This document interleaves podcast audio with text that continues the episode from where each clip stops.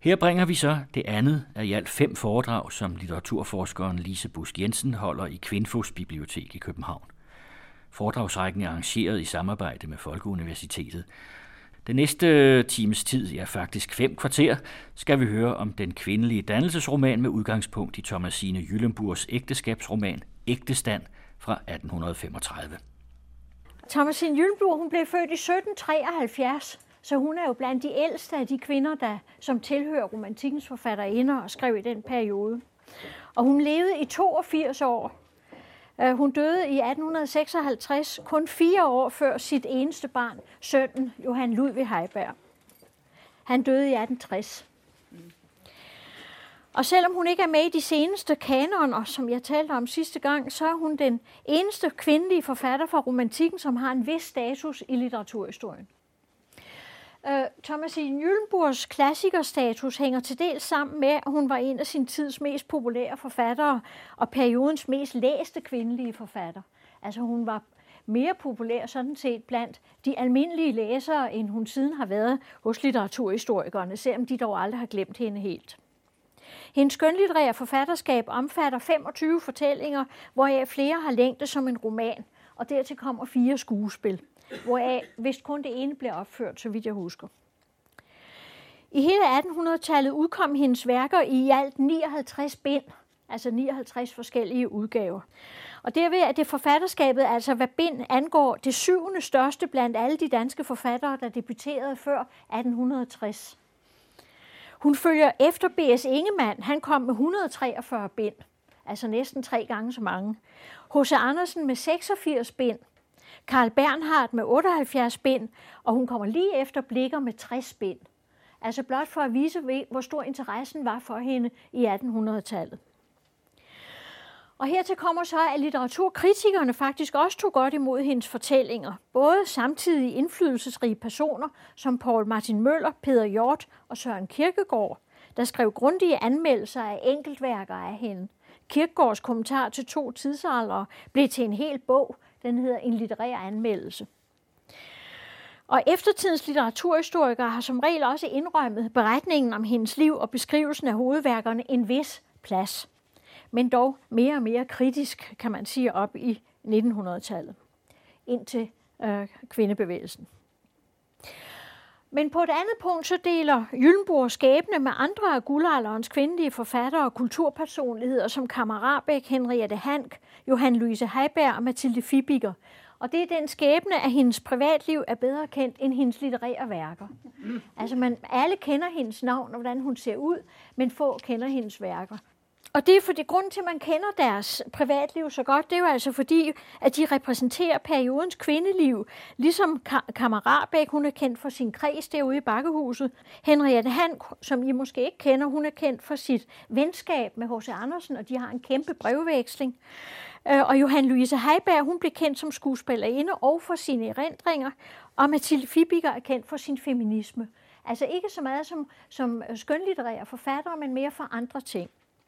Bortset fra Kammerabæk, for hun skrev ikke skønlitteratur, så hende kan man ikke kende for andet. Så skrev de andre skønlitteratur, men de placeres hellere i kulturhistorien end i litteraturhistorien. De er hustruer, veninder, søstre eller modstandere af de mænd, som er litteraturhistoriens hovedpersoner. Johan Louise Heiberg er den eneste, som var kendt for sin profession – for sit skuespilleri. Man spiller ikke hendes øh, to teater, tre teaterstykker, hun var kendt som skuespillerinde. Men det var netop fordi, hun var skuespillerinde. Kun i det fag kunne en kvinde blive ligestillet med mændene, det mente hun også selv. Det skrev hun faktisk lige ud i sine erindringer. Mm at hun var øh, øh, ofte meget utilfreds med kvindernes øh, placering, men så skrev hun, det er faktisk kun som skuespillerinde, man kan blive fuldstændig ligestillet. Og det er der jo mange grunde til på scenen, at der er behov for begge køn, selvom Shakespeare klarede sig uden, må man selvfølgelig sige. Men altså, det, det giver kvinderne en, en særlig chance. Det er ikke hvorimod jo i litteraturen, der kan mændene jo sidde og lave kvindeskikkelser, som det passer dem. Thomasine Jyllenburg, Thomasine hed hun først, var den ældste af Johan Bundsens fem døtre, og hun voksede op i hans ejendom i Nyhavn, nummer 69. En ældre bror var død som spæd. Han hed Thomas, så Thomasine overtog hans navn i femininum. Og moren hun kunne ikke overvinde sorgen over tabet af denne ældste og eneste søn, og døde, da Thomasine var otte år. Faren, Johan Bunsen, var optaget af meget andet end sit embede som dispatør det vil sige, at han var sådan en jurist, der undersøger havarier. Han dyrkede kunst og videnskab, indrettede et astronomisk observatorium op på husets tag og fremstillede selv sine kikkerter og linser. Øh, på den, i, det, I den forstand mindede han i øvrigt om Kammerabeks far, som var lidt lige sådan. Døtrene blev undervist hjemme af fremragende lærere som Weisse i musik og P.A. Heiberg i sprog. Thomasine beundrede sin dengang allerede berømte sproglærer og blev meget beæret, da han friede til hende. P.A. Heiberg var netop på det her tidspunkt stærkt optaget af sin fejde mod den enevældige statsmagt og dens autoriteter. Han udnyttede den trykkefrihed, som Strunse havde indført, til at skrive skuespil og pamfletter mod dem, der var født til magten, altså de adelige, og for dem, mod de adelige, og for dem, der havde evnerne og flid til at forvalte den, det vil sige borgerne som ham selv, men som ikke fik magten, fordi de manglede titlerne. Og vi kender jo udmærket hans indtogsvise til en fest, som han øh, delte rundt eller sang i Kronprinsens klub, for en ledet af den nygifte øh, Frederik den 6., den senere Frederik den 6. indtog i København med sin brud. Og andet vers lyder jo, som vi ved, ordner hænger man på idioter, stjerner og bånd man kun adelen giver, men om de og sumer og roter, man ej et ord i aviserne ser. Dog har man hjerne, kan man jo gerne undvære orden og stjerne. Det er der mange af os, der må glæde sig over. De Mallinger, Sumer og Roter, han taler om, det var de fortjenstfulde borgerlige slægter, Malling, Sum og Rote, som Heiberg ikke mente havde indflydelse efter fortjeneste. Og han kunne sikkert have fået sit eget navn til listen, hvis ikke beskedenheden havde forbudt ham det. Han var i øvrigt, ligesom kronprinsen, netop selv blevet gift, han med Thomasine, ganske få måneder før han skrev den her vise. Hun var 16 år, og han var 15 år ældre. Og året efter fødte hun sit eneste barn, søn Johan Ludvig. Få år senere malede Jens Jul, det var i 95, og de blev gift i 90, der malede Jens Jul dette portræt af hende som den unge, smukke, smukke og tiltrækkende kvinde.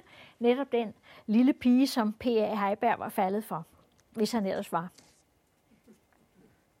Han synes nok, hun var en sød lille en, men han anså familielivet for underordnet den politiske kamp, så han fordrev tiden hen i klubberne, som nu denne her klub, hvor hans indtogsvise blev sunget, med diskussioner og lod Thomasine sidde alene hjemme med sine bøger, sit klaver og sin lille søn. Det generede ham ikke, at de venner, han bragte til huse, kurtiserede hende. Det var galante udsendinge fra den franske revolutionsregering og den eksilerede svenske baron Karl Frederik Gyllenburg. Alligevel blev P.A. Heiberg Peter Andreas Heiberg fuldkommen overrasket og dybt forbitret, da hun efter hans landsforvisning i 1800 søgte skilsmisse og ægtede Jyllenburg. Og den skilsmissehistorie blev meget berømt øh, allerede i samtiden, men også 100 år efter cirka, eller knap, da øh, Johan Louise udgav hele brevvekslingen i 1882. Og den er meget fascinerende. Der kan man så se begrundelsen for Thomasines ønske om skilsmisse og P.A. Habergs forsvar for alle hendes anklager. Hun skrev til Heiberg, at hun aldrig havde følt sig elsket af ham. Det var hovedsagen. Korrespondancen øh, viser, at deres syn på ægteskabet var helt forskelligt. Han nævner stadig sin agtelse for hende som hustru og mor, og sin stolthed over hendes udvikling. Den mente han øvrigt selv, han havde hele æren for. Han skriver sådan her, jeg anså en, en stor del af dine fuldkommenheder på en måde som mit værk. Hans agtelse og stolthed tilkom hende især som medlem af hans hus. Hans offentlige position, hans forfatternavn, hans politiske kamp mod enevælden havde givet Heiberg-familien dens profil. Hun var et medlem af husholdningen bag dette navn. Ved siden det fremgår af hans breve, at det så at sige var hans holdning, og jeg skal selvfølgelig tilføje, at det var langt fra usædvanligt i tiden. Tværtimod var det det helt normale. Ved siden af hans navn og position kunne den erotiske kærlighed ikke betyde noget særligt, fordi, som han selv skrev, den allerhæftigste kærlighed inden en længere eller kortere tid efter besiddelsen forandrer sig ubemærket til gensidig varm venskab og højagtelse. At den hæftige kærlighed eller forlibelse kan vedvare bestandig efter besiddelsen, det er umuligt. Det strider imod den menneskelige natur. Jeg tror, han mente mandens natur måske. Han mente, at romanforfatterne måtte have fordrejet hovedet på hende og vedgik, at han aldrig havde elsket hende på den måde. En sværmerisk romankærlighed var mig umulig, og en sådan kærlighed har jeg aldrig båret for dig, skrev han. Min ulykke er, at jeg elskede dig som en mand, at jeg ikke kunne fornedre mig til at spille en forelsket korridorens rolle.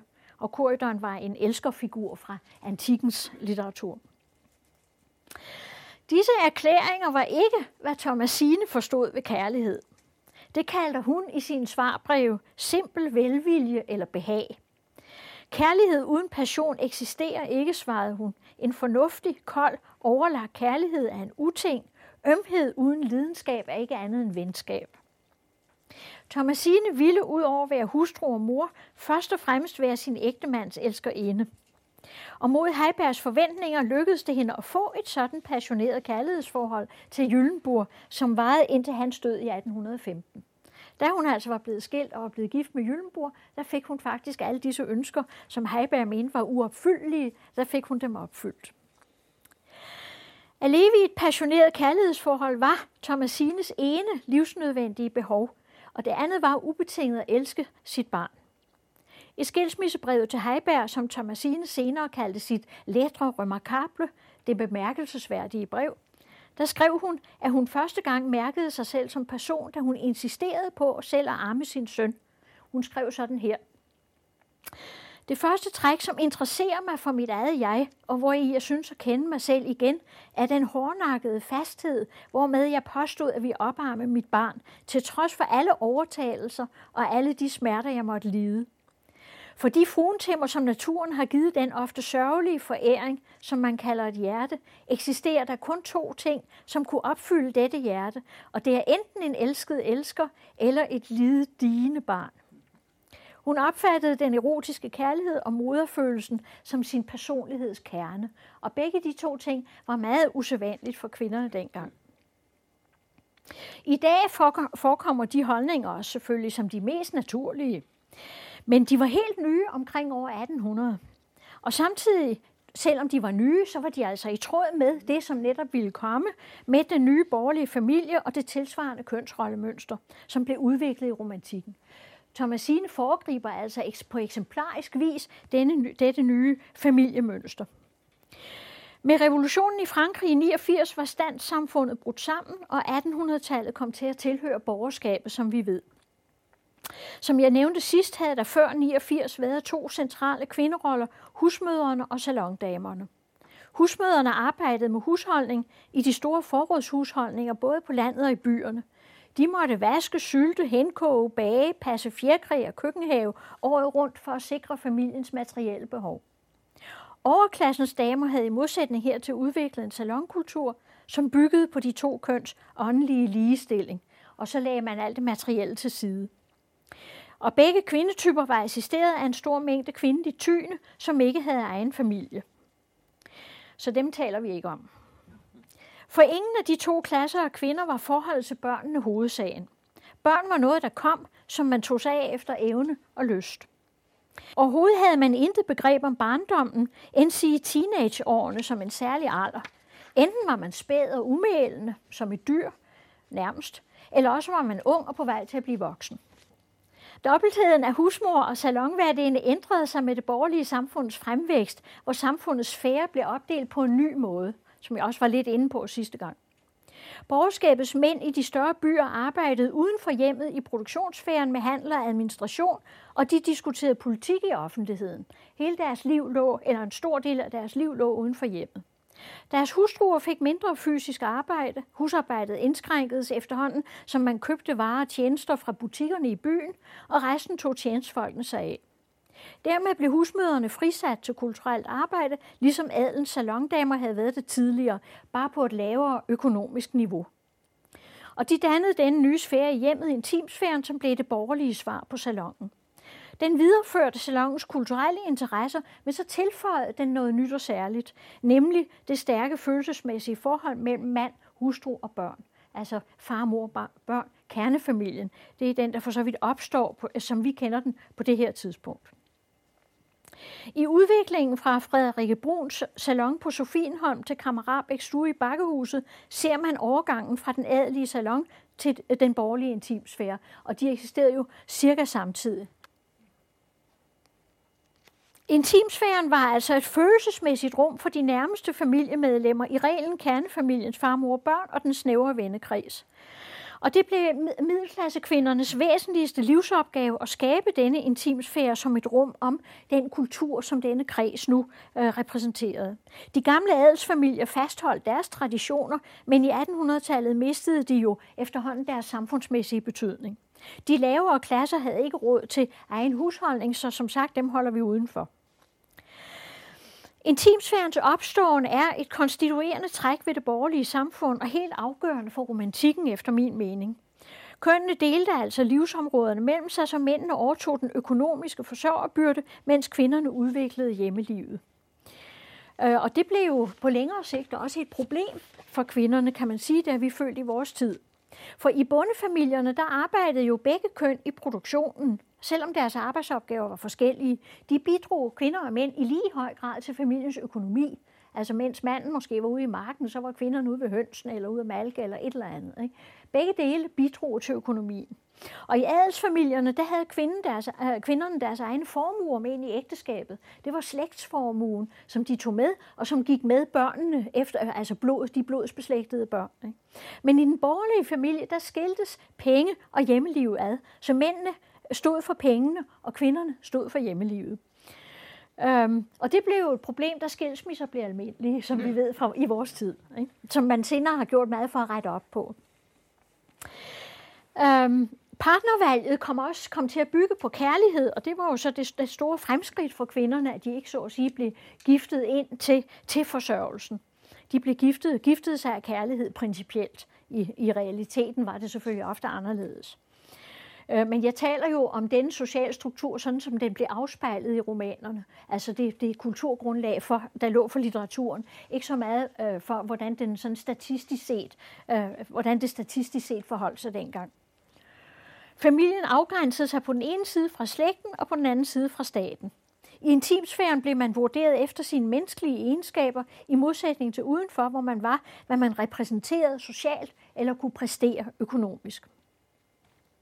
Romantikkens kultur var for en stor del knyttet til dette familieliv.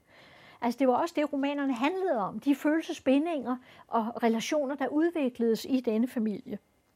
Efter at hoffet og de adelige salonger havde mistet betydning, og inden den kommercielle underholdningsindustri kom op i omdrejninger med Tivoli som det første eksempel herhjemme, og det åbnede i 1843, der foregik underholdning og kunststyrkelse mest i de borgerlige hjem.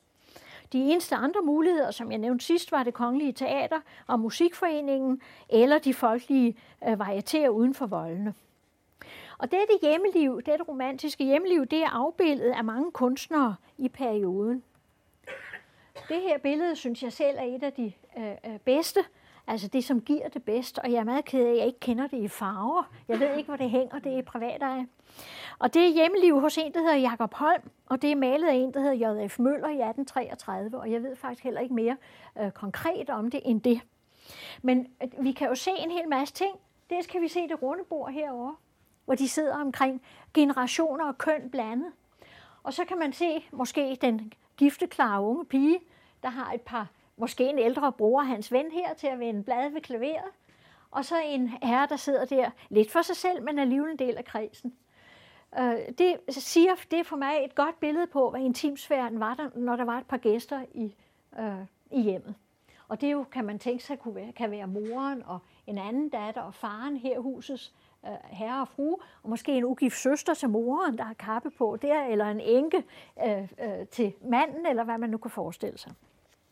Og så har vi mit yndlingsbillede her, nemlig Skovgårds akvarel fra 1860, der er vi højt oppe i perioden, og det er dagligstuen på Christine Lund, som var en ejendom under Nysø. Og på det her billede, der sidder Jonna Stampe og broderer, ser det ud til, synes jeg. Og datteren Rimor Stampe læser muligvis op af noget, hun står med på bordet. Jeg synes, det kan være svært at se. Um, de ser ikke på hinanden, men jeg synes, at netop det, at de slår øjnene ned begge to, øh, gør dette øh, følelsesforhold mellem dem træder ligesom mere, endnu mere markant ud af billedet. Ikke? Man føler, at der er en tæt relation mellem dem. Herover ser vi det runde bord igen med møblerne omkring. Hvis der nu kommer nogle andre, flere børn hjem, manden hjem, nogle gæster, så er man parat til at sætte sig herover. denne Jonna Stampe var i øvrigt mor til en anden datter også, nemlig Astrid, som blev en af kvindesagens kendteste skikkelser, Astrid Stampe Federsen. Så hun har været stor eller lille søster, det husker jeg ikke lige nu, til øh, Rigmor, der står der. Til denne, denne kvinde, det er jo så intimsfærens kvindefigur. Øh, også jo, som nu maleren så hende. Og til denne øh, identitet, der hørte så også, øh, den, var, nej, den var til dels dannet, kan man sige, over den katolske Madonna-skikkelse, hvilket øh, vores lutheranske øh, kirke sikkert ikke har brugt sig om at tænke på. Men altså denne katolske Madonna-skikkelse, som øh, folk blandt andet lærte at kende i Jo Rafaels øh, billeder, som alle kendte, dels fordi alle kunstnerne havde rejst i Italien og mange andre også, og dels fordi de blev reproduceret og hængt op over hele Europa. Og her har vi øh, Rafaels Madonna della Sediola, altså Madonna i stolen, som hænger på øh, øh, Palazzo Pitti i Firenze. Og den havde Ønslæger hængende i reproduktion over sin seng, øh, formentlig hele sit liv. Øh, og den hænger nu ude på bakkehuset inde i Ønslægerstuen, hans reproduktion. Øh, man kan nemlig sige, at mens øh, oplysningstiden forsøgte at genopleve klassicismen, altså forstod sig i forlængelse, oplysningstiden og klassicismen, skal jeg sige, forstod sig i forlængelse af den antikke litteratur og kultur, så valgte romantikken i høj grad middelalderen som sin yndlingsperiode.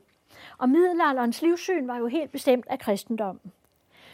Øh, og fra renaissancen altså det vil sige fra 1400-tallet, der sekulariseredes kristendommen i den forstand, at man trak fortællingerne ind, fortalte de bibelske fortællinger ind i hverdagslivets kreds. Og Rafael han brugte de lokale bondekoner som modeller for de her mange Madonna-billeder, og nogle børn han fandt øh, i sit nabolag. Og den, øh, et eksempel på, hvordan man, øh, folk havde det i hjemmet, det er det her, synes jeg selv, meget morsomme billede, som jeg har fundet i Possing's øh, sale øh, disputat. For der kan man jo se denne, dette, der kan I se, hvor stort det er, altså hvor meget mere der er af hende. Dette Madonna-billede har disse kvinder hængende i deres stue. Øh, de to damer, de hedder henholdsvis Hansine Gertsen og Christiane Lund, og de var lærerinder ved Natalie Sales øh, skole. Og altså, øh, billedet her, fotografiet er taget over 1900, og øh, så sent som på det tidspunkt, eller det vil jeg ikke sige, jeg kunne også selv finde ud af at hænge det op, hvis det skulle være, men det, det er altså ret slående på mange billeder fra perioden, at der havde man disse Madonna-reproduktioner øh, hængende. Den ideologiske baggrund for den her øh, Madonna, eller den her nye kvinderolle, var jo skabt af Rousseau, som jeg nævnte. Øh, han udformede den romantiske kønsdualisme, som prægede 1800-tallet indtil det moderne gennembrud. Og det var en dualistisk eller komplementær kønsfilosofi, der sagde, at mænd og kvinder var grundlæggende forskellige og havde hver deres livsopgaver at varetage. Og det var selvfølgelig en ideologi, som passede jo med det, den sociale struktur, som nu jo først og fremmest var udviklet af økonomiske årsager formentlig. Det ville Marx i hvert fald have sagt. Øh, I Emil øh, fra 1762, der skrev Rousseau, at kvinden, beskrev han kvinden som både ligestillet med manden og forskellig fra ham, som jeg citerede sidst, i alt, hvad de har fælles, er de lige, i alt, hvor I de er forskellige, kan de ikke sammenlignes. Og, kan, og det her, det var kvinderne uendelig begejstrede for. Det er jo interessant, at øh, sådan en som Thomasin Jynborg læste ham, øh, og var brændende interesseret i det syn på kvinden, som Rousseau havde. For vi andre kan måske synes, at det, at han Øh, peger på forskellen, af et problem, men det opfattede kvinderne som stort fremskridt, fordi de, som jeg nævnte sidst før, blot havde været set som halvdårlige mænd eller svage udgaver af mænd. Nu fik de ligesom deres egen identitet. Øhm, kernen i intimsfæren var forholdet mellem mand og hustru, men altså især barnet fik også en helt ny rolle, og man har jo sagt, at Rousseau opfandt barndommen. Og jeg kan indskyde her, at synet på barnet, på barnet har jo været meget forskelligt igennem tiden – Kristendommens syn på barnet var bestemt af arvesynden, altså arven efter øh, Adam og Evas synd. Barnet bliver født ondt og bliver først et menneske gennem opdragelse, mente man. Og vi ved jo, i 15-1600-tallet, der var der mange, der øh, tugtede deres børn hver lørdag for at se, være sikre på at få det gjort. Øh, I oplysningstiden, der ændrede man dette syn på barnet. Der gik rationalisterne over til at se barnet som en tabula rasa, altså en blank tavle, øh, og bar, så barnet er en neutral instans, som bliver præget af omgivelserne. Det er jo måske et syn, som øh, til, vi til en vis grad har endnu i dag. Hertil kom så et deterministisk syn på barnet. Barnet er bestemt af sin biologi. Det kunne også være stjernetegn eller andre ting. Det er der også øh, præg af i vores, øh, vores tids syn på barnet. Og så kom så endelig utopisterne, der troede på den gode natur. Barnet har en sund og god natur, er født god, men bliver korrumperet af samfundet. Det var Rousseaus syn, og hans øh, erindringer handler alene om at vise, hvordan hvor korrumperet han blev af samfundet. Øh, og dette syn på naturen som god og barnet som godt, det var så bærende i intimsfære-ideologien. Og det skabte den nye følsomhedskult, der byggede på kærligheden mellem mor og barn, og som igen blev en model for kærligheden mellem mand og kvinde. Vægten lå på den ømme følsomhed, hvor sex og penge var sublimeret. Det romantiske ægteskab var rammen og betingelserne, rammen om og betingelserne for, at det ideelle moderskab kunne udfolde sig. Og vi skal jo se en række af disse træk nu her i øh, Jøllenborgs roman. Og for at runde det her af, så øh, øh, vil jeg minde om, at denne øh, intimsfære jo forsvandt langsomt efter det moderne gennembrud. Øh, disse ting, jeg siger om vores moderne tilværelse, det står selvfølgelig til diskussion mellem os alle. Det er min holdning, eller min mening om tingene. Øh, ligesom den havde været et centralt element i romantikkens kultur, så bliver opgøret med denne her romantiske kvindelighed et centralt element i det moderne gennembrud. I forordet til sin oversættelse af Stuart Mills Kvindernes underkuelse sammenlignede Brandes den romantiske kvinderolle med kineserindernes sammensnørede fødder. Og det ligger lidt i forlængelse af, hvad jeg sagde sidst. Man nedgjorde altså ligesom totalt, øh, hvad kvinderne havde været før, og øh, forestillede sig heller øh, det fantastiske, de kunne udvikle sig til. Ved Jyllenborgs død øh, i 1815, så beholdt Thomasine en del af hans pension fra kongen. Jyllenborg havde forladt Sverige, fordi han havde deltaget i morplanerne mod Gustav den 3. I Danmark erklærede han så Frederik den 6. sin loyalitet, selvom Frederik den 6. sagde for sig selv, at sådan en, der havde vi ved at slå sin konge ihjel derovre, hvordan kunne man nu regne med ham? og, men så begyndte han, så flyttede de ned på en gård nede ved Roskilde, uh, Thomasine og Jyllenburg, og så begyndte han at skrive landøkonomiske skrifter, og det synes kongen godt om, og gav ham en pension. En understøttelse. Øh, Thomasine kunne dog ikke leve af den alene, efter han var død. Så fra 1818 til 22 var hun huslærer for sin fætter, grosser Andreas Bunsen, og de otte børn, han havde med Camilla Dupuy. Johan Ludvig besøgte i samme periode sin far i Paris, men formodes ikke desto mindre at være far til et af børnene. Nemlig Frederik Georg Julius Bunsen, som Thomasine tog til sig som sin plejesøn. Han blev læge, men døde desværre øh, da han var i 40'erne, så vidt jeg husker. Relativt ung. Og fra 1822 holdt hun så hus for Johan Ludvig, der var blevet professor i Kiel, og efter hans ægteskab i 1831 med Johan Louise Petkes, så delte hun bolig med sin søn og svigerdatter til sin død. Uh, Johan Ludvig Heiberg han bidrog i øvrigt til at udvikle intimsfærens teori med en serie meget interessante artikler i Københavns Flyvende Post. Og det var et tidsskrift, han var begyndt at udgive i 1827 for at forsørge sig selv og sin mor, efter de havde forladt Kiel. Dengang kunne man leve af at udgive et litterært tidsskrift. det kom to gange om ugen. Uh, han skildrede i de her artikler, som han senere samlede i de samlede værker, samlede under uh, titlen Æstetisk moral, der skildrede han vaner og uvaner i københavnernes dagligliv ud fra sine iagttagelser af måltidernes afvikling, forbrugsmønstre, skovture, teater- og restaurantsbesøg osv. Hans hovedsynspunkt var, at middelklassen manglede en kulturel identitet, fordi den havde overtaget sine normer fra adlen, uden at have økonomiske ressourcer til at fylde, fylde dem ud. Han frygtede, at dagliglivet i den nye middelklassefamilie øh, øh, som blev mindre og mindre, vil blive degraderet til en ren materiel behovstilfredsstillelse, altså at hjemmet vil blive et sted, hvor man kun spiste og sov. Hvis man offer, og det vil det især blive, hvis man offrede alt på at opretholde en utidsvarende adelig salonkultur. Altså den, øh, det, som, borg, som middelklassen og borgerskabet i 1800-tallets øh, begyndelse forstod som kultur, det var så det, de, de beundrede hos adelen. Og det prøvede de så efter bedste og ringe evner at oprette hjemme i deres egne hjem. Og det Heiberg kommer med, det er altså et bud på, man, hvordan man kunne lave en, et, en kulturel tilfredsstillende situation i hjemmet, også uden at have adelens muligheder. Øh, som et eksempel på en meningsløs reminiscens fra salonkulturen, der nævnte Heiberg vanen med at indrette boligens bedste rum til en såkaldt sal. Det vil sige et værelse, som alene var beregnet på det store aftenselskab med souper og dans. Og så skriver han sådan her, uagtet mange familier er i den situation, at de næppe giver et stort selskab om året, så anser de dog en sal som uadskillelig fra den huslige lykke. Det vil sige, at man tog sådan et rum ud og møblerede det på den fineste måde og lod det stå aflåst, uopvarmet, praktisk taget hele året. Og det var så det, han var modstander af. Øh, han plæderede for, at dagligliv og selskabelighed skulle følge samme æstetiske normer.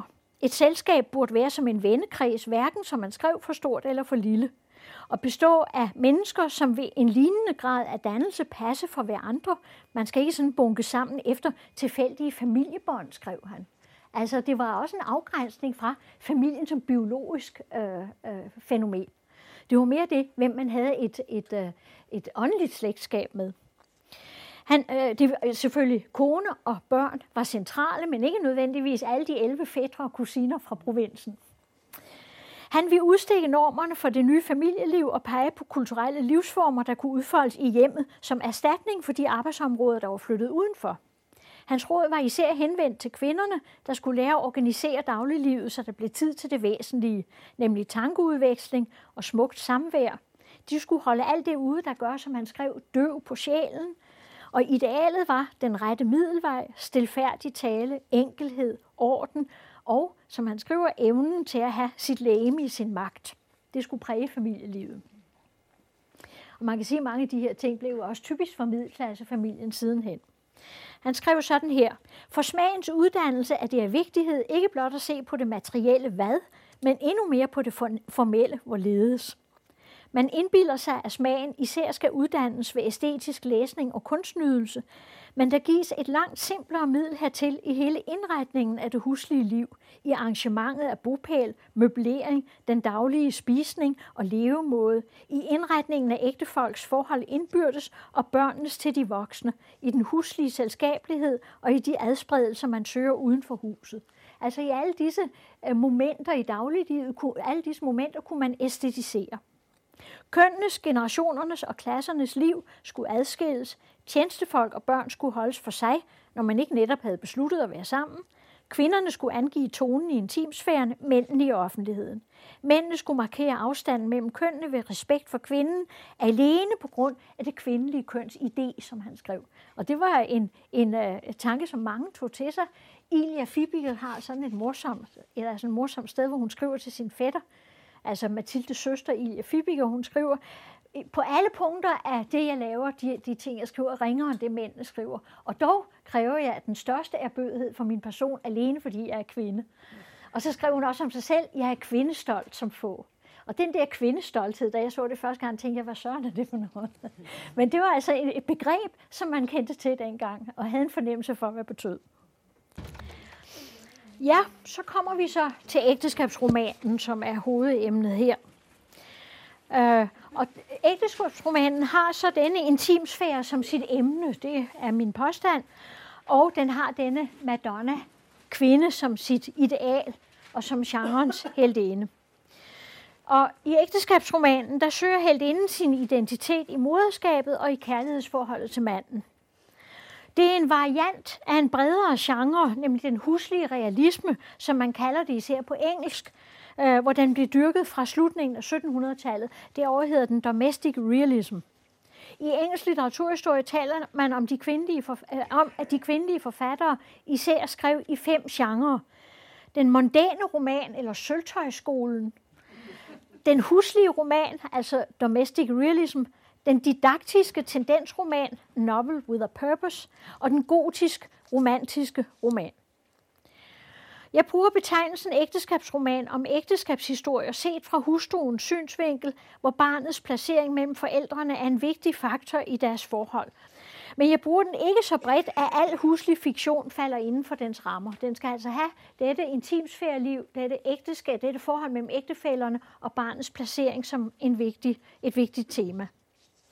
Ægteskabsromanen kompletterer i en vis forstand den mandlige forfatters dannelsesroman, fordi den handler om det kvindelige dannelsesforløb, der er skjult til stede, kunne man sige, i romaner med mandlig held. Det er den mandlige helts kvindelige partners dannelseshistorie, kan man i en vis forstand sige. Men når hun bliver hovedperson i sin egen roman, så viser hendes historie sig at være meget anderledes end hans.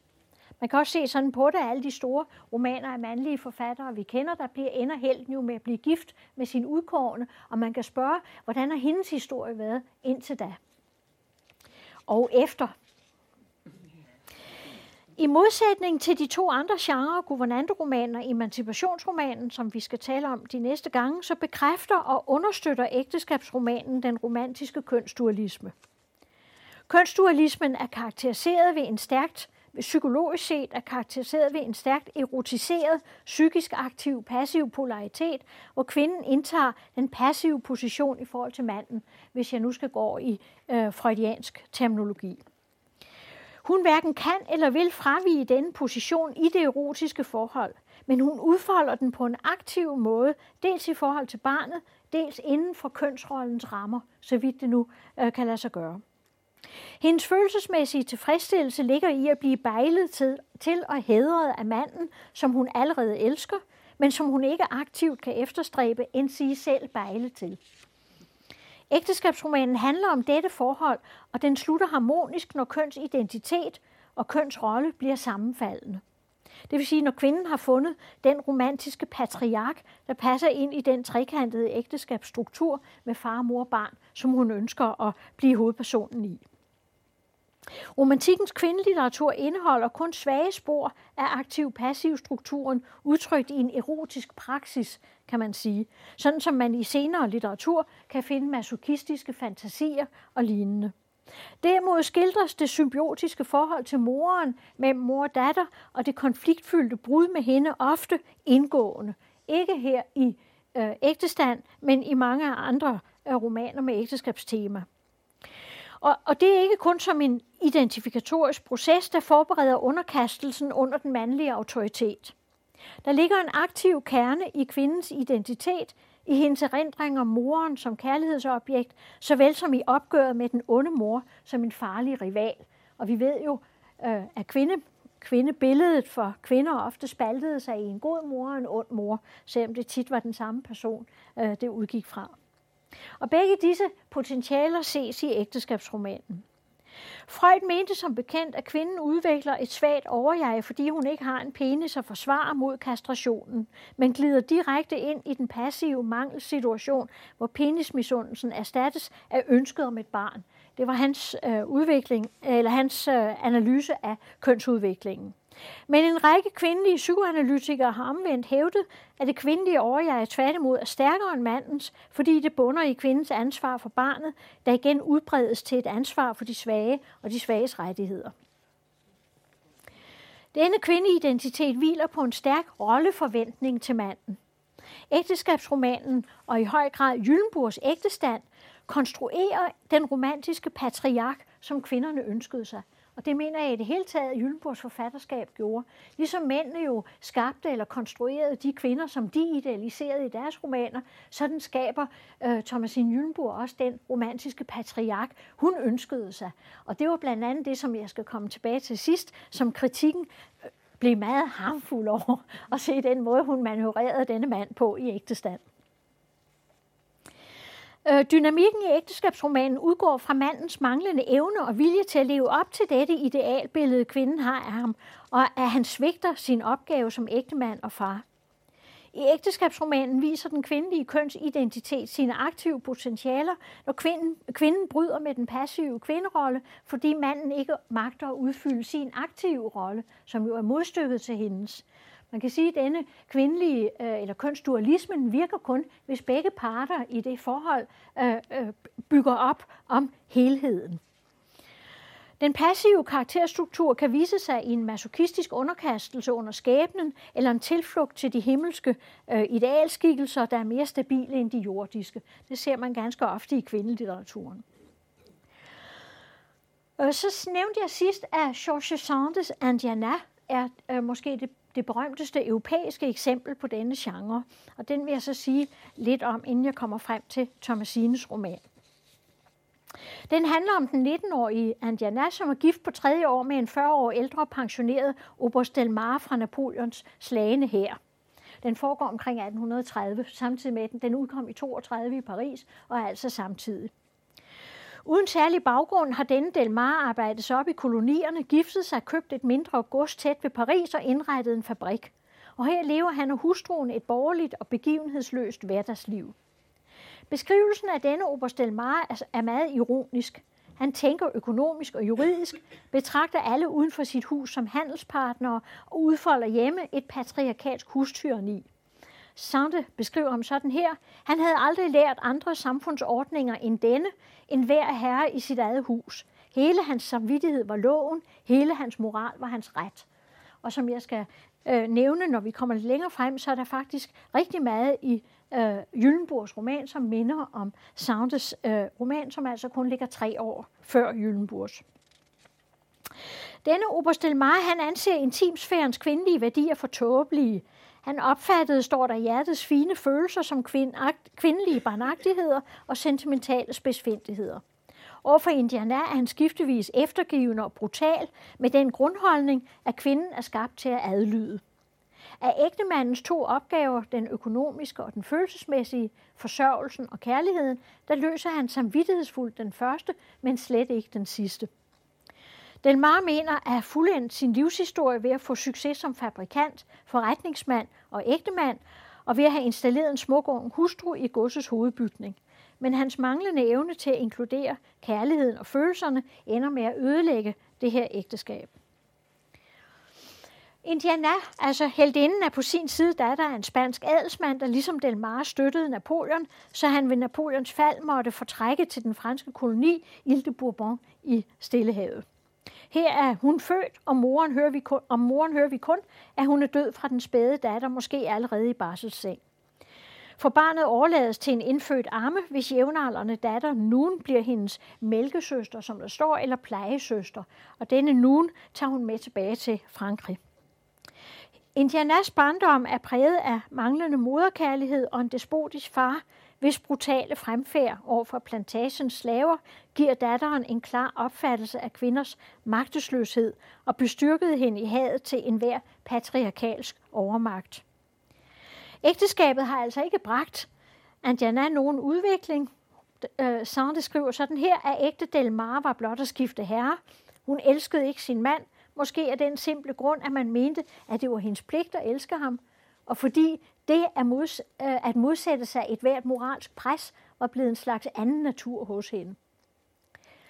Den døde kærlighed mellem ægtefælderne symboliseres af døde dyr. Når familien skal sidde og nyde aftenluften på godset, så sidder Delmar på stentrappen ude i gården og morer sig med at skyde svalerne ned fra himlen, mens Indiana sidder ved sit broderi inde i stuen, nedstemt over Obersens grusomme tidsfordriv, som hun tænker. Altså et sådan ægteskab har ligesom sikret øh, kvinden forsørgelse og en plads i samfundet, men som livsmål og identitetsgrundlag er det en helt fuldstændig fiasko. Hun har ikke fået mulighed for hverken at skabe en vellykket intimsfære eller for at blive mor. Skylden for den fiasko lægger Sartre i al væsentlighed på ægtemanden og hans manglende sans for Andianas kvindelighed, både dens følelsesmæssige og dens fysiske sider. Flere tegn tyder på, at ægteskabet aldrig er blevet fuldbyrdet, at det seksuelle samliv aldrig er indledt. Delmars forhold til Andiana karakteriseres som halvt far, halvt ægtemand, og Andianas væsen omtales som kysk, og hendes seng som jomfruelig et ubesmittet leje. Delmar har altså ikke blot undladt at støtte Andiana i den opgave at identificere sig med hustrurollen, han har også stillet sig i vejen for den. I modsætning hertil skal vi jo se hos Jyllenburg, at hun har en lille søn, hun kan interessere sig for, når manden nu ikke interesserer sig for hende. Den videre handling i Sardes roman viser, hvordan Indiana bliver fristet til at være sin mand utro med en moderne ung nabo. Men hun reddes i sidste øjeblik, da hun erfarer, at han allerede har forført mælkesøsteren Nun, som derefter drukner sig. Men senere, senere efter mange intriger, så er Andiana alligevel på fortvivlelsens rand og er ved at drukne sig i scenen, men så reddes hun af sin barndomsven Ralf, og sammen rejser de tilbage til barndommens land, Ile de Bourbon, hvor de søger en libestot. Hun klæder sig ud som brud og springer med i favnen på Ralf ud i en stor kløft for at blive hans himmelbrud i stedet for hans brud her på jorden. En meget højromantisk slutning, som dog heller ikke er en slutning, viser det sig så. Den slutter med ordene, denne del af teksten slutter med ordene, så tog Ralf sin brud i armen og bar hende bort for sammen med hende og styrte sig ud i bjergstrømmen. Prik, prik, prik. Men de her tre prikker, de markerer i virkeligheden, viser det sig tærsklen til et andet liv. Fordi der kommer en konklusion, der er sat på, og den konklusion har den danske oversætter åbenbart været i tvivl om. Fordi øh, jeg kom lige i tanke om i dag, at jeg desværre ikke har haft den første oversættelse i hånden, som er fra 1855. Men den, der er fra 1918, som jeg har haft i hånden, der har de udladt konklusionen. Så det vil sige, der forestiller folk sig, at de dør efter dette spring. Men det gør de ikke. Tværtimod er det overgangen til et andet liv. Øh, de vågner nemlig næste morgen efter at have, som der står, nyt lykken i dens fulde udstrækning. Faldet ned i kløften blev i stedet for den bogstavelige død et metaforisk samleje. I kløftens tropiske natur grundlægger de nu det intimsfæreliv, som de forgæves havde søgt i civilisationen. Og kernen er øh, parets indbyrdes kærlighed, for det første, og for det andet deres enkle og afsondrede levevis, der står alle vores dage ligner hinanden, de er rolige og smukke, de går hurtigt og rent som vores barndomsdage. Og for det tredje er det husholdningens familiære struktur, hvor tjenere er vores venner, står der. Og endelig for det fjerde, den filantropiske økonomi. De bruger deres penge til at frikøbe syge slaver. Dødsspringet ud i kløften var altså et farvel til det realistiske register og en overgang til et nyt utopisk register, hvor intimsfære-idealet kan virkelig gøres. Det kræver måske en tilbagevenden til naturen, hvis det skal kunne lade sig gøre, eller til moderskødet, kunne man sige, denne kløft derude er meget malerisk beskrevet. Øh, det er som om, det er Sandes holdning, uh, og hun var jo også selv en sand, eller hun var en sand Rousseau-disciple. Så vidt øh, lidt om Saunders roman, for at vi nu kan se, hvordan den minder på mange punkter om øh, Jyllenburgs roman. Hun, hendes ender dog langt mere realistisk. Hun var også meget ældre end Sande, da hun skrev sin. Sande var ung og oprørsk og havde netop selv forladt sin mand. Um, altså, som sagt, Andiana blev oversat til dansk første gang i 1855. Øh, og selvom det er Saunders debutroman, altså den første, hun skrev under eget pseudonym, så blev den noget sent oversat. For allerede i 1837 var der kommet en samling historier af Saunders. Og fra den tid af var hun faktisk meget øh, omtalt i danske medier, og hun blev, efterhånden blev hendes romaner oversat, samtidig med at de udkom i Frankrig. Øhm, Jyllenburg kan have hørt om hende. Hun læste fransk, og romanen, som, som jo altså var Sands debutroman, øh, var en sensation i de litterære kredse i Paris. Og Johan Ludvig var jo velorienteret om, hvad der skete i Paris. Han kan også have fortalt øh, og snakket med moren om bogen. Men desværre har jeg ikke kunne påvise, at øh, Jyllenborg har læst noget af hverken hende eller øvrigt også af Jane Austen, hvilket jeg meget gerne ville have kunne vise. Og det er jo altså det mere ærgerligt, som jeg faktisk synes, der er påfaldende mange ligheder mellem Andiana og, øh, og Jyllenburgs ægtestand. Ægtestanden kom i det første bind af tre med titlen Nye fortællinger i 1835, og de udkom alle, det gjorde alle Jyllenborgs tekster under Johan Ludvig Heibergs navn. Øhm, Jyllenborg omtalte ikke selv, skal jeg lige indskyde sine øh, tekster som romaner. Hun kaldte dem som bekendt hverdagshistorier, og efter titlen på hendes tredje fortælling. Og nogle af dem er også snarere noveller end romaner. I samtiden blev de ofte omtalt som noveller, men de fleste af dem har jo romanlængde, og det har jo i hvert fald ægtestand, så jeg kalder dem romaner. Og skældet mellem roman og novelle er ikke så væsentligt i denne sammenhæng. I litteraturteorien er der selvfølgelig nogle principper for det som jeg ikke vil komme nærmere ind på her. Eftersom genren, altså ægteskabsromanen, krævede en forholdsvis realistisk skildring af et ægtepars intime samliv set fra kvindens synsvinkel, så blev den i 1800-tallet opfattet som tendentielt skandal, øh, skandaløs. Sammen med løsspillet Fregatskibet Svanen, som handlede om bigami i form af en kaptajn med en hustru i to havne, var ægtestand den Jyllenburg-tekst, som blev modtaget af den skarpeste kritik. Dette stykke øh, fregatskibet Svanen, som er et vældig muntert stykke. Det indsendte hun til det kongelige teater, eller Heiberg gjorde, og det blev skarpt fordømt og blev absolut ikke opført. Øh, da ægtestand udkom, der skrev Dansk Litteraturtiden rosende om romanens realisme. Anmelderen mente, at den er skrevet med en sandhed og en menneskekundskab, der fængsler, netop fordi, som der står, digteren har vist os og ikke fortalt os, hvad vi som læsere skal mene om personerne. Men heldinden, der er følelsesmæssigt udsultet af sin kolde ægtemand, og derfor fristes til at tage en elsker, om hende skrev anmelderen, at hende kan vi kun ringeagte. Han var moralsk forarvet blot ved tanken om, at den forsømte hustru kunne overveje at søge tilfredsstillelse andet steds. Det var naturligvis ikke, fordi den slags ikke forekom i 1800-tallet, at forsømte hustruer gjorde det. Men at en sådan kvinde kunne være helt inde i en roman, det var forarveligt. Og at en sådan roman kunne skrives af en kvinde, det var helt uantageligt. Som jeg skal komme lidt mere tilbage til, når jeg nævner anmeldelsen igen.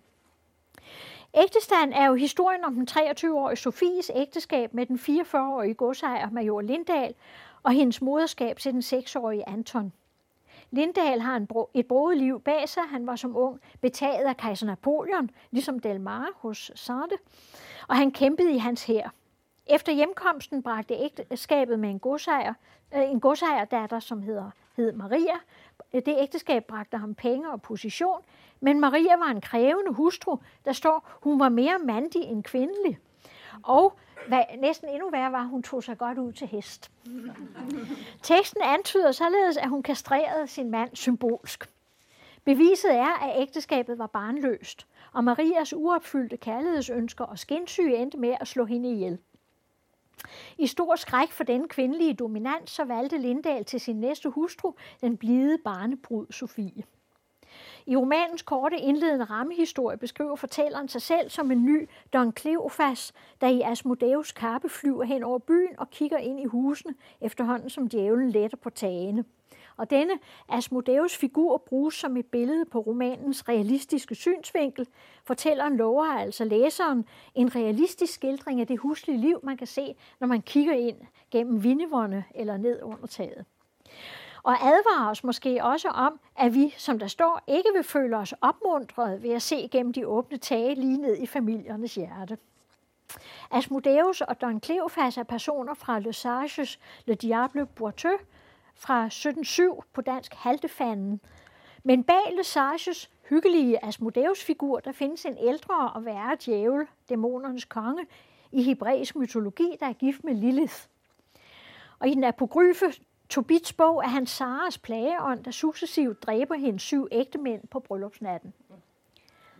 I sin, I sin ældre udgave er Asmodeus liderlighedens og skinsyns djævel en ødelægger af nyligt indgåede ægteskaber.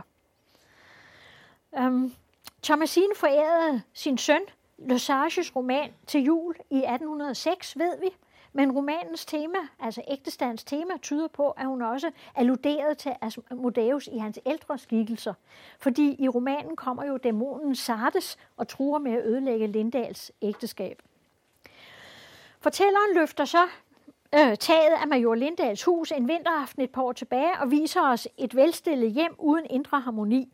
Sofie sidder stilfærdigt og beskæftiger sig med sin søn.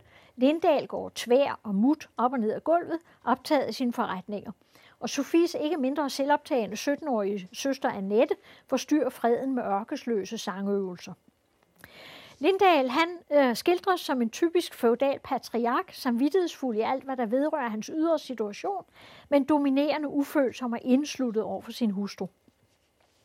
Med den sikre hånd, som erfaringerne fra ægteskabet med Per Heiberg gav hende, tegnede Jyllenburg nogle karakteristiske daglige samlivssituationer. Når Sofie, Sofie kærligt spørger til Lindags dårlige humør, så bebrejder han hende, hun overvåger ham. Han forbyder i sidste øjeblik sønnen at komme til selskab hos deres kusine, skønt Anton var specielt inviteret til at se husets børn opføre en komedie. Anton græder af skuffelse, og Lindahl skubber ham brutalt ind på hans værelse. Da Sofie tager afsted til selskabet, vil Lindahl pludselig ikke med selv. Næste dag ved middagsbordet veksler de ikke et ord. Både Lindahl og Sofie forstår situationen sådan, at han efter syv års ægteskab ikke længere elsker sin hustru, men hvor han finder det naturligt, han siger sådan her, jeg var en, en, dengang en elsker, nu er jeg en ægtemand, så øh, øh, smerter det hende og nedbryder hendes selvfølelse. Hun tænker, jeg er en ubetydelig person, som man kan kede sig med. Et af de fruentimmer, som vel kan erhverve sig venskab og tillid, men ikke kan blive genstand for en mands bestandige kærlighed. For Lindahl er følelserne for hustruen underordnet hans ære og offentlige agtelse. Hvis blot hun ikke sætter, som han siger, en plet på vores families ære, så er resten en sag mellem vor herre og hende selv. Resten, det er hustruens følelser. Hun må gerne forelske sig i en anden for den sags skyld, blot hun ikke omtaler det. Han udtrykker sin holdning med et fransk bonmot. Quand on le sait, c'est peu de choses. Ce n'est rien quand on l'ignore. Når man ved det, er det, øh, øh, er det lidt, når man, og det er intet, når man ignorerer det. Når der blot er tale om en følelse, om et fortrin, man i sit hjerte giver en anden, hvem er herre over slikt, siger han også. Og det påstod jo Thomasine, at Per Heiberg også havde sagt til hende. Han ville ikke hænge sig så nøje i, hvis hun forelskede sig i nogen andre. Lindahl vedgår lige ud, at han aldrig har elsket Sofie lidenskabeligt, fordi han kun én gang har lidt af en sådan brændende elskårsfeber. Og det var, da han var ung i Paris. Det mente øh, Thomasine i øvrigt også om Per Heiberg. Han havde været forelsket i en dame engang, øh, og aldrig elsket siden. Ligesom hun ikke øh, øh, fængsler ham erotisk, bryder han sig heller ikke om hendes moderfølelser. Han behandler kun Anton hårdt for øjnene af hende. Når hun er taget afsted til selskab, så underholder han sig med sønnen resten af aftenen. Lindahl betragter ægteskabet som en social kontrakt, hvor mand og kvinde opfylder hver deres aftalte del, men i øvrigt ikke er videre følelsesmæssigt forpligtede. Og det var i overensstemmelse med 1700-tallets rationelle familiesyn, som også Per Heiberg havde forfægtet over for Thomasine.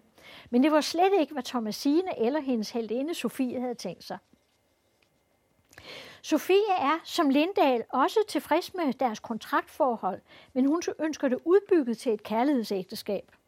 Hun tager sig med glæde af husholdning, moderskab og intimsfærens kulturelle sysler, håndarbejde, læsning, musicering og konversation, men uden ægtemandens kærlighed mangler, som der står, sjælen, som skulle opgive det hele. Hun er altså ikke utilfreds overhovedet med sin intimsfære. Hun er blot utilfreds med, at manden så sig ikke bidrager nok til den. Hun argumenterer for, at mandens følelsesmæssige opmærksomhed over for kvinden spiller den samme rolle for hende, som offentlighedens opmærksomhed spiller for ham.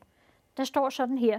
I mænd anser eders liv som ganske fordærvet, hvis I må gå det aldeles ubemærket igennem. Den offentlige agtelse er et gode, hvorfor I mange gange opoffrer eders kæreste ønsker. Og vi stakkels fruentimmer må ikke engang ønske at blive en smule bemærket og vel modtagende, hvor vi lader os se. Hvor personlighed er vores eneste magt i denne verden, må vi da ikke have lov at sætte pris på den. Samfundets sfæredeling og kønsdualismen gav mand og kvinde hver sin sfære og hver sin kønsrolle, men de havde samme krav på materiel og følelsesmæssig tilfredsstillelse, vil kvinden sige.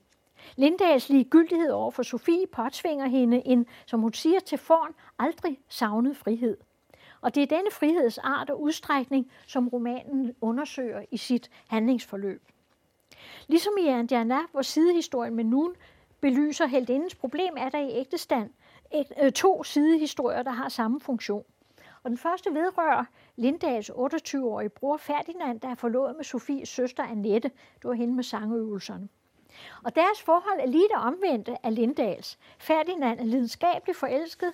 Han lader Annette herse med sig og er kommet i netop den form for følelsesmæssig afhængighed, som Lindahl siden sit første ægteskab har frygtet. Og den omvending af forholdet øh, ser Jyllenburg ikke som noget positivt alternativ. Altså det beskrives kritisk. Den anden sidehistorie øh, vender jeg tilbage til om et øjeblik. Ferdinand han indfører en ven i huset, den jævnaldrende Karl Sardes, der er dansk født, men opvokset hos en fransk greve. Og han tilbyder Sofie al den kurtiserende kærlighed, som Lindahl dels ikke selv vil yde hende, dels har lovet, at han ikke vil forhindre hende i at modtage af andre, blot hans ære ikke bliver gået for nær. Og derved forstår han naturligvis, at hendes forhold til Sardes ikke overskrider bestemte fysiske og sociale grænser for intimitet. Et stumt kærlighedsforhold udvikler sig mellem Sardes og Sofie fra den aften, hvor han i et selskab afværger en brandulykke, der truer både hendes og søndens liv. Og det er den scene, hvor Annette og Anton skal optræde sammen i et allegorisk tableau. Hun er klædt ud som morgenen og danser med en fakkel i hånden, med Anton, der er klædt som en alf.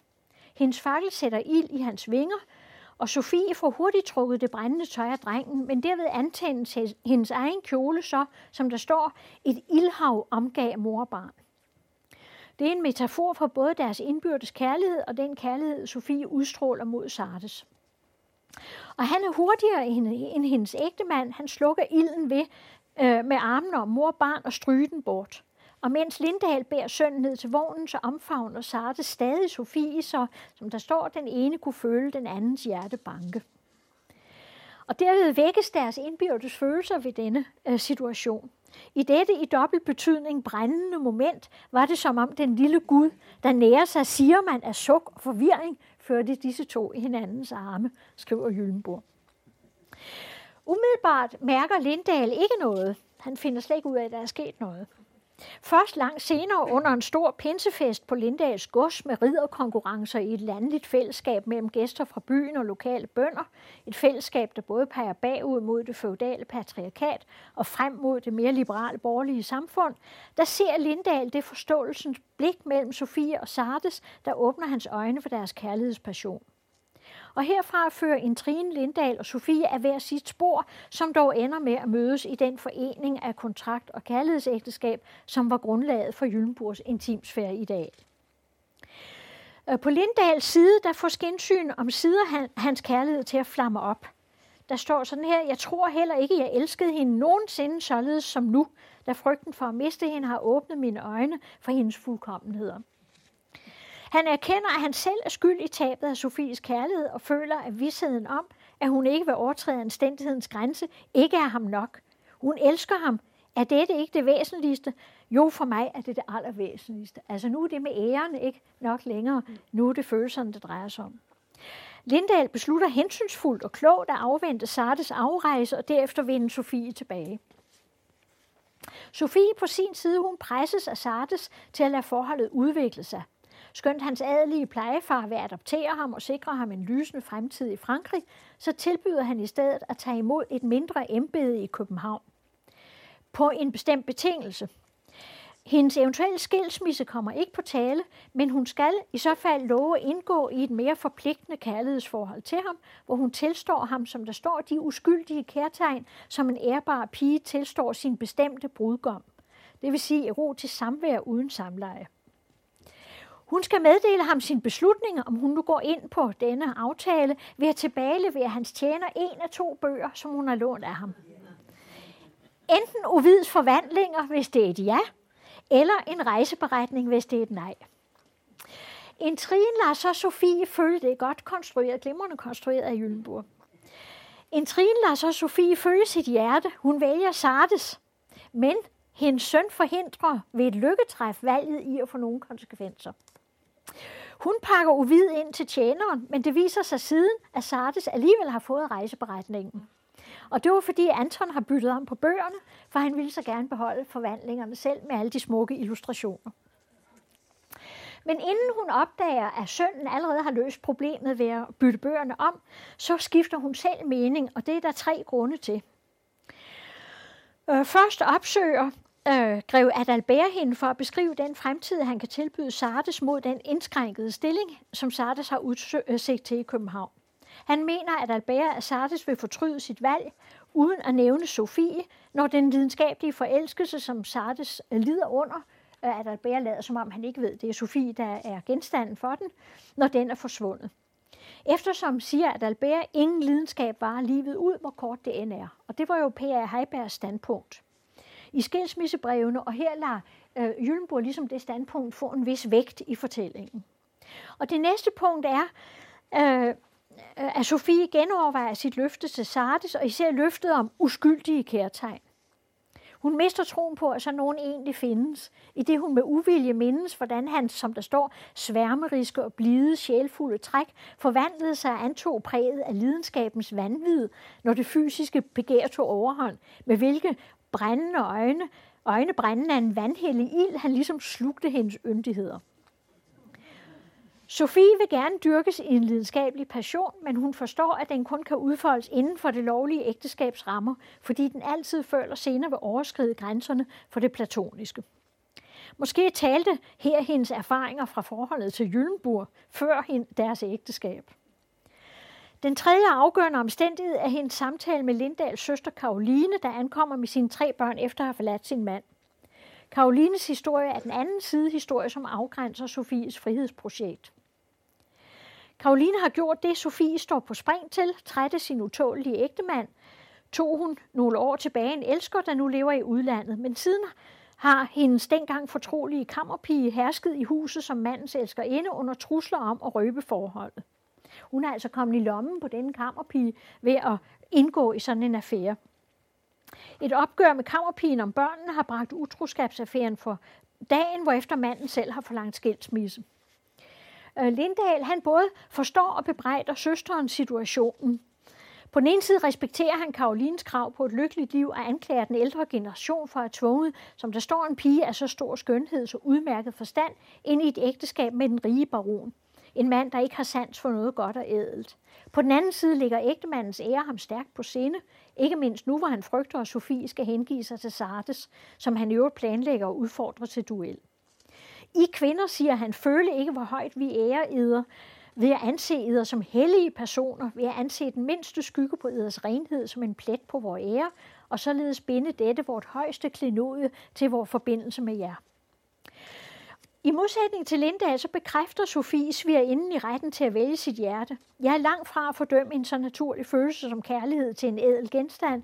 Jeg synes, at sjælen må være fri og ikke afhængig af menneskelige indskrænkede forhold, siger hun. Og øh, minder dermed om øh, salonkvindernes idé om øh, den sjælelige lighed. At den sjælelige kærlighed bør øh, øh, slå over i et seksuelt forhold, det mener hun øh, derimod absolut ikke måske. Øh, øh, altså i dette utroskabens kontraktbrud, som jo også Lindahl tillægger stor vægt. Øh, de er altså enige om, at dette kontraktbrud, dette brud på ægteskabet er forkert, men de er uenige om, så at sige, hvor meget der kan, øh, de, de to personer i ægteskabet hver især kan have følelser til anden side. Den mere erfarne Karoline belærer i midlertid Sofie om, at det er elskerens påstand, at grænsen mellem kærlighedens psykiske og fysiske form kan opretholdes. Sjælens frihed består ikke i at leve sine erotiske ønsker ud, men tværtimod i at tæmme dem, mener Karoline. Hun tilføjer ydermere, at selvom det var muligt at undgå den fysiske utroskab, så er derved kun den grovere del af troskaben forsvaret. Det egentlige ægteskab var brudt, da det, som udgør ånden i denne forbindelse, jo var tabt. Og det er for så vidt jo også Thomasines øh, og dermed Sofies opfattelse, at det er selve følelsen, man ikke må øh, lade overgå på en anden. Karoline bestyrker således Sofie i hendes oprindelige opfattelse af, at i kærlighedsægteskabet kan følelser og social kontrakt ikke adskilles, og modsiger derved Lindas overmodige udsagn om, at følelserne er underordnet blot kontrakten overholdes. Udsagn, som får en ledet og legitimeret Sofies positive svar til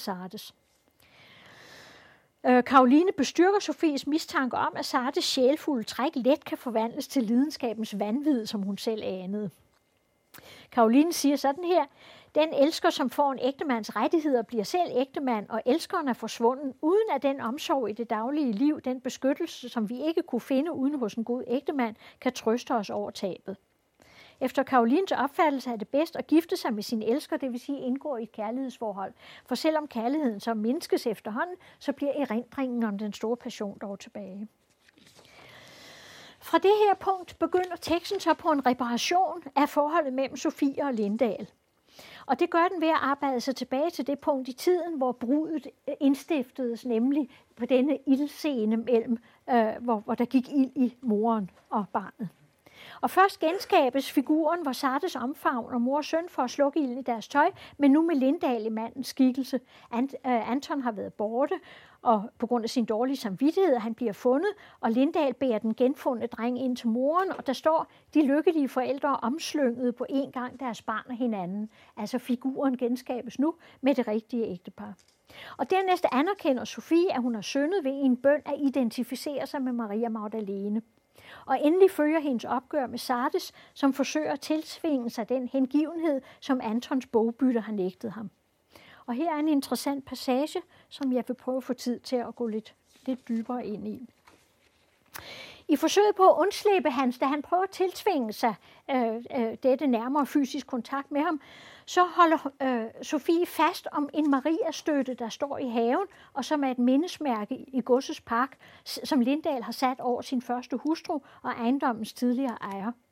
Stenen er en obelisk, det er en falsk form, som passer til Marias aktive seksualitet. Sardes mener, monumentet spejler sig i det omgivende hav, som der står, som om det padede ned på underverdenen. Og Sofie hænger blomsterkranset om det for at forsone den afdøde skinsyge. Senere bemærker Lindahl, at et andet Maria-monument, stenen på familiegravstedet, kaster sin skygge over Sofie i kirken. Maria og hendes mandlige seksualitet forbindes således med døden. Spørgsmålet er derfor, hvorfor Sofie i opgøret med Sarte søger beskyttelse ved denne obelisk og råber til ham bort, afsindige, kom ikke nær, den døde, som omsvæver dette sted, skal beskytte mig, mig og sit fordomshus. Hvorfor søger hun styrke hos Marias falliske begær for at beskytte sig mod det samme hos Sardes? Dette falliske begær, som peger mod helvede og døden. Elisabeth Møller Jensen har i en analyse af romanen peget på, at Maria støtten umiddelbart er et symbol på en kvindelig lidenskab, som fører til døden, men at den samtidig fastholder, som hun skriver, et begær, som ikke lader sig stille inden for ægteskabet. Den repræsenterer det begær, der kun lever i denne, som Elisabeth skriver, grænseafprøvning i fantasien om og friheden til at tænke brudet. Kun fordi Sofie bevarer den aktive erotiske kraft, som Sartes vagt i hende, og som Maria støtten symboliserer, forvandles ægtemanden til en elsker. Resignationen kan gennembrydes, lidenskaben leves, skriver Elisabeth Møller Jensen. Scenen tilføjer altså en aktiv erotisk dimension til det i forfatterskabet så betydningsfulde Maria-billede. Øh, da Sofie flygter i en robåd på det oprørte hav for at undslippe Sardes, resignerer han. I slutscenen er han på vej til Frankrig med grev Adelbert, tilfreds med alligevel ikke at have brudt, som der står, de bånd, som intet i verden kan løse, og det står i kursiv. Og det er de bånd, Sofie netop har peget på med henvisning til sit ægteskab. I betragtning af, at Thomasine Gyllenborg selv løste de bånd, som hun nu skriver, at intet i verden kan løse, kan sætningen læses enten som erkendelse af egen skyld, eller som en gave til den gængse moral. Til slut har Sofie og Lindahl betroet sig fuldt ud til hinanden. Han har bedt hende om tilgivelse for, som han siger, al sin uret, al sin tilsyneladende kulde. Jeg ved nok, jeg ikke er elskværdig som Sardes, men jeg er lige så forelsket og har langt mere gennemtrængt, og er langt mere gennemtrængt af følelsen af dit høje værd og deres ægteskab er nu som det genvundne paradis. Sofies udvikling fra barnebrud til voksen, selvbevidst kvinde, der kender og behersker sine egne drifter og meninger, spejles i tekstens kvindelige Maria-billeder. Hun går fra Madonna-moren over den faldiske Maria til den angrende Maria Magdalene. Skøn Lindahl i overensstemmelse med genren er færdigudviklet mand ved romanens begyndelse, forvandles han også i det, han genfinder sin ungdoms erotiske fyrighed, og i konkurrence med den anden bejler tvinges til at vise sin hustru større opmærksomhed og respekt. Hans syn på hende skifter fra ringeagt til erbødighed. Samtidig ændrer han sit ægteskabssyn fra det feudale kontraktægteskab, som passer til hans stilling som godsejer og officer, til det romantiske kærlighedsægteskab, som Sofies intimsfære identitet forudsætter. Romanen bidrager altså til den konstruktion af romantikkens patriark og intimsfærens kvindelighed, som var forfatterskabets hovedmål. Og til sidst kan jeg lige nævne lidt mere om denne kritiske anmeldelse – jeg kan ikke nå at komme ind på sammenligningen med Ernst Jana, men det er jo tydeligt, at der er forbindelser, og som sagt, jeg ville have ønsket, at jeg kunne have påvist, at øh, Jyllenborg havde læst Sounde. Men altså, denne kritiske anmelder i Dansk litteraturtiden var meget fortørnet over Jyllenborgs omdefinition af kønsrollerne. Også det, hun lader manden sidde og sige, jeg er meget ked af, at jeg ikke var mere kærlig over for dig i starten. Det er jo den kvindelige forfatters mulighed for at danne en mand, der passer hende. Han mener, denne anmelder, at det er helt uantageligt, at Sofie overhovedet overvejer utroskab. Hun burde have forstået Antons betydningsfulde ord, som han skriver, og opfattet drengens bøn om at beholde uvid som en moralsk rettesnor. Også selvom det ville have været en noget simpel løsning på intrigen, som han skriver. Den æstetiske begrænsning mener han ville, opveje, øh, ville være opvejet af det moralske fortrin. Man havde, som han skriver, let trøstet sig over det glippede håb om en pikant dessert efter det taglige måltid ved den glæde at se en moder redde af sit barn. Tanken om, at en utro hustru var, øh, tanken om en utro hustru var anmelderen sådan imod, at han foretrak en dårlig novelle med en god hustru, frem for en god novelle med en dårlig hustru. Især fordi han mente at kunne gætte, at romanens forfatter var en kvinde. Og det gættede han ud fra den måde, hvorpå Lindahl tilgiver Sofie ved at påtage sig skylden for, at Sarte skulle friste hende. Således kan en mand, da en mand i ordets sande betydning, aldrig handle, mente anmelderen. Og videre, der er ikke et eneste spor af, at hun erkender, hvor langt mere hun trænger til hans tilgivelse, end hans til hendes. Og jeg synes, at den slags anmeldelser bekræfter, anmeldelser bekræfter jo, hvor interessant det er at se på kvindelitteraturen også, og ikke kun på mændens litteratur. For denne anmelder viser jo, hvor chokeret og overrasket han er over denne i øvrigt jo højst pæne og ordentlige roman, der jo ender med, at, at alting går i orden. Alligevel er han simpelthen chokeret over, at en kvindelig forfatter har kunne skrive sådan noget. Og har sluttede så Lise Busk Jensen, den anden af fem forelæsninger i serien om de kvindelige forfatteres værksted. Næste gang handler det om den selverhvervende kvinde som inde. I centrum står Mathilde Fibier med sin guvernanteroman Clara Rafael fra 1851. Og fra Alfabut var det Lene Marie Kemp, som stod klar med mikrofonen.